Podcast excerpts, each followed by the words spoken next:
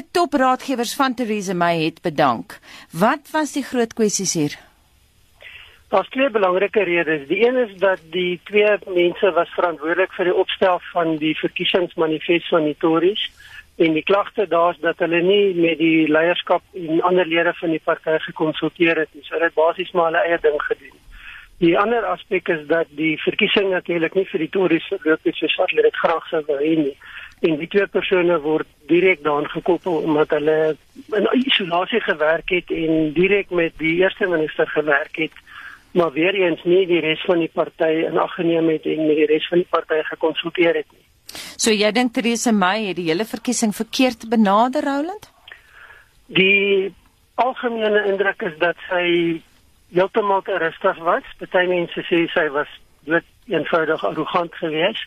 Sy het staat gemaak op uh, meningsopnames wat gesê dat die Tories baie maklike groter meerderheid gaan kry en sy het met ander woorde nie die veld tog ernstig opgeneem nie, so dit het die Tories gekos. En ook die terreur, watter impak het dit gehad?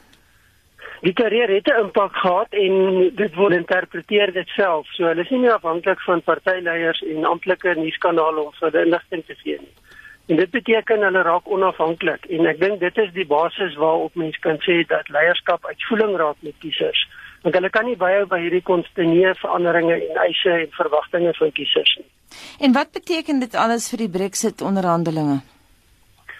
Well, dit beteken dat Brittanje waarskynlik nou minder keuses het as wat hulle kon sou gehad het, dat hulle baie meer inskikkelik sal moet wees, want hulle het nie 'n baie sterk meerderheid en hulle is verdeel tussen verskillende opsies van hoe die proses hanteer moet word. Ek dink dat die proses voortgaan is 'n is 'n voldoende feit. Maar hoe dit gedoen moet word is nou heeltemal oop en dit versterk natuurlik die Europese Unie se hand in die onderhandelinge en wat hulle bereid is om toe te gee en nie toe te gee. Baie dankie en so sê die politieke ontleder Roland Henwood van die Universiteit van Pretoria.